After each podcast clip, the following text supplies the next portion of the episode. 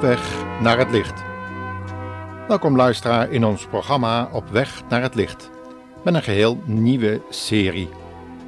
In deze nieuwe serie uitzendingen willen we in twaalf programma's de huidige gevaren die de christenheid bedreigen bespreken. De huidige zogenaamde nieuwe tijdbeweging, ook wel New Age genoemd, infiltreert bijna alle bestaande christelijke groeperingen. En het wordt daarom de hoogste tijd dat wij binnen deze programmaserie op weg naar het licht daar aandacht aan besteden. Dit kan alleen als we het licht dat de Bijbel op onze tijd werpt, hebben leren kennen. En wie is dat licht anders dan onze Heiland en Heer, Jezus Christus? Vanuit Zijn Woord en in de kracht van Zijn Heilige Geest willen we in deze nieuwe serie uitzendingen de valse geesten aan het licht van Gods Woord blootstellen. Mogen God ons helpen en inspireren en de luisteraar opmerkzaamheid geven.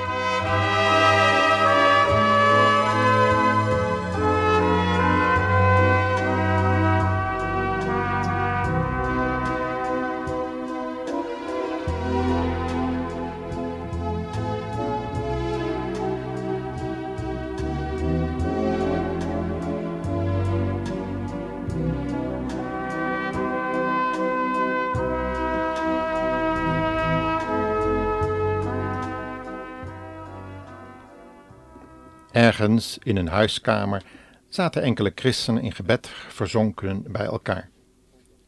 Enige opengeslagen bijbels lagen op de tafel of op een nog lege stoel. Die wachten op die andere broeder of zuster die nog moest komen. Tevergeefs wachtte men echter, want de dagelijkse beslommeringen en de hoge werkdruk had alweer het zoveelste slachtoffer gemaakt. Opnieuw was het groepje christenen kleiner geworden en het drukte duidelijk een stempel op het geloofsleven van de overigen. Ja, ze waren bij elkaar gekomen om samen Gods woord te lezen en te overdenken. Terwijl zij daarmee bezig waren, was er ergens anders in de stad een grote meeting georganiseerd om succes te krijgen door positief denken. Grote advertenties prijkten in de verschillende dagbladen en op reclamezuilen langs de snelwegen. Veel geluk en voorspoed zouden de conferentiegangers ontvangen wanneer ze zich maar laten leiden door principes van de New Age-denkers. Het christendom, zegt men, is op zijn retour en wordt vervangen door het Waterman-tijdperk, wat het vissentijdperk van de christenheid gaat verdringen. Men verwacht immers de gemeenschappelijke en universeel geaccepteerde wereldleraar, de lang verwachte en gereïncarneerde Christus, ook wel de komende Messia of de Boeddha of de Imam Mahdi van de moslims genoemd. Zien zelfs de leiders van de huidige wereldgodsdiensten niet naar deze meester van het oosten uit?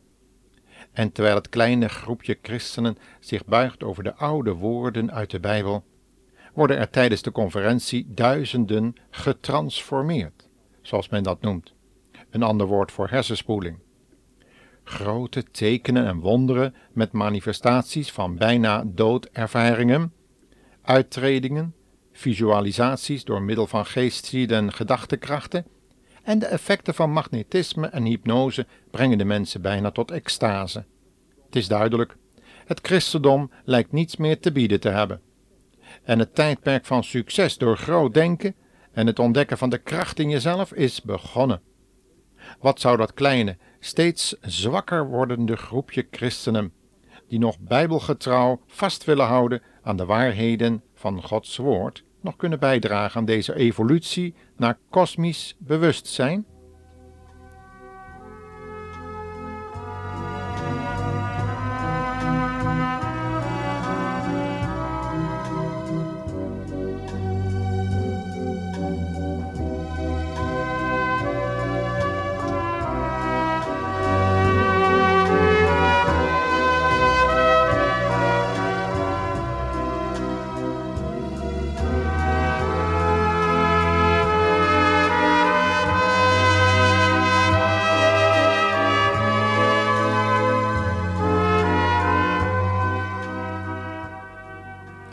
De Bijbel lag opengeslagen bij 1 Timotheus 6, vers 7 tot 10. En we lezen over de schouders van een van de weinige broeders mee als hij het kleine groepje uit dat woord begint voor te lezen. Per slot van rekening hebben wij bij onze geboorte niets meegebracht. En als wij sterven, zullen we ook niets kunnen meenemen. Daarom moeten wij tevreden zijn zolang wij maar voeding en onderdak hebben. Maar wie graag rijk wil worden, komt al gauw in de verleiding om verkeerde dingen te doen. Dan ga je verlangen naar onnodige en verkeerde dingen en gaat tenslotte verloren. Want de liefde tot het geld is de eerste stap naar allerlei andere zonden. Sommige mensen hebben zich daardoor zelfs van God afgewend en zich veel ellende op de hals gehaald.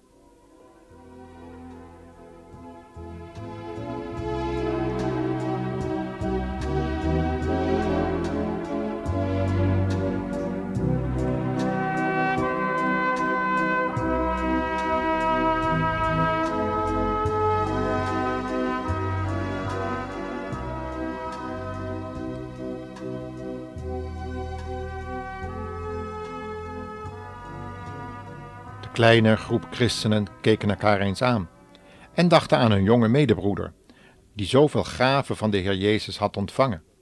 Gaven die nu gebruikt werden in dienst van de mammon, de god van het geld. Steeds onregelmatiger had hij de samenkomsten bezocht. Steeds drukker had hij het op zijn werk gekregen. Steeds grotere verantwoordelijkheden waren op zijn jonge, eigenlijk nog onvolwassen schouders gelegd. En thuis zagen ze hem bijna alleen in de late uurtjes als hij oververmoeid thuis kwam na een lange dag van vergaderen en ploeteren tegen de geest van de tijd. Herkennen we dit realistische beeld wat veel christelijke groepen die vast willen houden aan de praktische waarheid van Gods woord kenmerkt? Tja, het enige wat christenen in de wereld eigenlijk kunnen brengen, is de Heer Jezus, om zijn gezindheid en woorden praktisch gestalte te krijgen. Tja, wat doen wij als christenen nog in deze tijd van allerlei krachten, tekenen en wonderen? Wat kunnen wij eigenlijk als christen uit deze wereld meenemen? De oude apostel Johannes zegt in 1 Johannes 2, vers 16 en 17: Alles wat in de wereld is, de zondige begeerten, de hebzucht en de hoogmoed, die door macht en bezit ontstaat, is niet door de Vader, maar door de wereld. Aan die wereld en haar zondige begeerten komt een einde. Maar wie doet wat God wil, zal eeuwig blijven leven.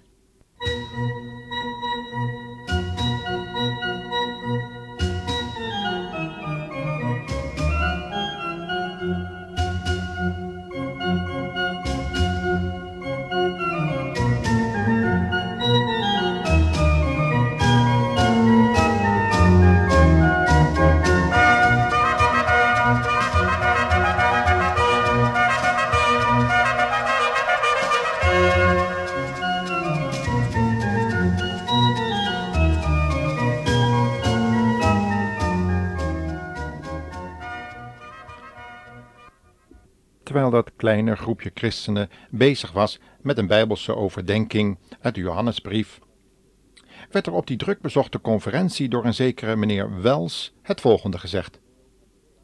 Het volgende onderdeel van de samenzwering moet als volgt luiden. Het is nodig om een sceptische en vernietigende kritiek te leveren op godsdiensten die de persoonlijke onsterfelijkheid van de ziel prediken we moeten de leringen van onze New Age-leraren uit de mystieke en theoretische sfeer halen en plaatsen op het terrein van het praktische conflict. De bestaande communistische formuleringen worden afgeschaft en vervangen door de dictaten van de New Age-hiërarchie, met de Maitreya of de Christus aan het hoofd. Het is duidelijk, wat het kleine groepje bijbelgetrouwe christenen zojuist had gelezen, stond haaks op dat wat er in die wereldwijde conferenties met zoveel gezag geleerd wordt. Beschaamd moesten ze erkennen dat sommige voorgangers van die nieuwe beweging uit hun eigen midden was gekomen. Ze hadden echter het loon van Biliam liever gehad dan het woord van God. Je kunt over deze mannen lezen in de brief van de broer van Jezus, de apostel Judas, niet te verraden natuurlijk, maar een trouw gebleven volgeling van de gekruisigde en opgestane Heer. Laten we maar eens horen wat hij nog te zeggen heeft. Het staat in Judas, vers 11. Luister maar. Deze mannen volgen het voorbeeld van Kaim, die zijn broer vermoordde. Ze zijn net als Biliam, die voor geld alles wilde doen. Ze gaan Korach achterna, die tegen God in opstand kwam en dat met de dood moet bekopen. Deze mensen bederven de feestelijke maaltijden die u met elkaar houdt. Het is dan alleen om eten en drinken begonnen. Ze schamen zich nergens voor en denken alleen maar aan zichzelf. Ze zijn als wolken die over dorstig land drijven, zonder regen te geven. Dwaalsterren zijn het, die hun einde zullen vinden in de eeuwige duisternis.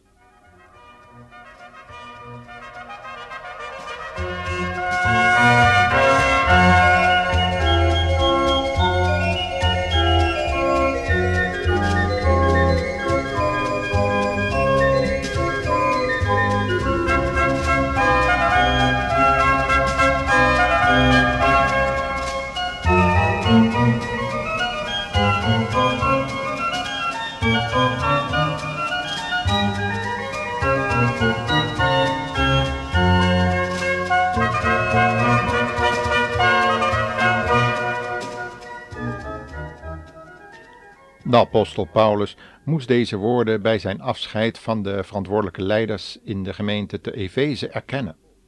Hij zei bij die gelegenheid het volgende. U kunt dat weer lezen in Handelingen 20, vers 28 tot 30. Pas goed op uzelf en op de kudde waarover de Heilige Geest u het toezicht heeft gegeven. Leef als herders voor de gemeente van God, die hij door het bloed van zijn eigen zoon heeft verkregen want ik weet dat er na mijn vertrek valse leraars als hongerige wolven bij u zullen komen. Ze zullen de kudde niet ontzien. Zelfs sommigen van u zullen de waarheid verdraaien en proberen de christenen aan hun kant te krijgen. Wees daarom op uw hoede. Wat moeten we hier eigenlijk nog meer over zeggen, luisteraar? Het woord van God is krachtig genoeg. Het zou kunnen dat u de gevaren die u en uw gemeente bedreigen, inmiddels hebt herkend. Luister dan tenslotte nog eens naar die apostel Judas, die in vers 21 deze bemoedigende woorden ook aan u wil doorgeven. Woorden waarmee we tevens in dit eerste programma over het zogenaamde broodchristendom en de gevaren van de nieuwe tijdbeweging afscheid van u nemen. Maar vrienden, u moet uw allerheiligst geloof sterker laten worden en u bij uw bidden laten leiden door de Heilige Geest. Blijf bereikbaar voor de liefde van God. Wacht geduldig op het eeuwige leven, dat de Heer Jezus ons in Zijn goedheid zal geven. Leef mee met de mensen die twijfelen. Houd hen vast en red hen uit het vuur. Maar bij sommige mensen moet u voorzichtig zijn met uw medeleven. U zou mogelijk door hun zonde kunnen worden beïnvloed. Haat elk spoor van zonde. God kan ervoor zorgen dat u niet struikelt. Hij kan u zo ver brengen dat u zonder gebreken en vol wijsheid en blijdschap voor zijn schitterende troon komt te staan. Hij is de enige God. Hij redt ons door onze Heer Jezus Christus.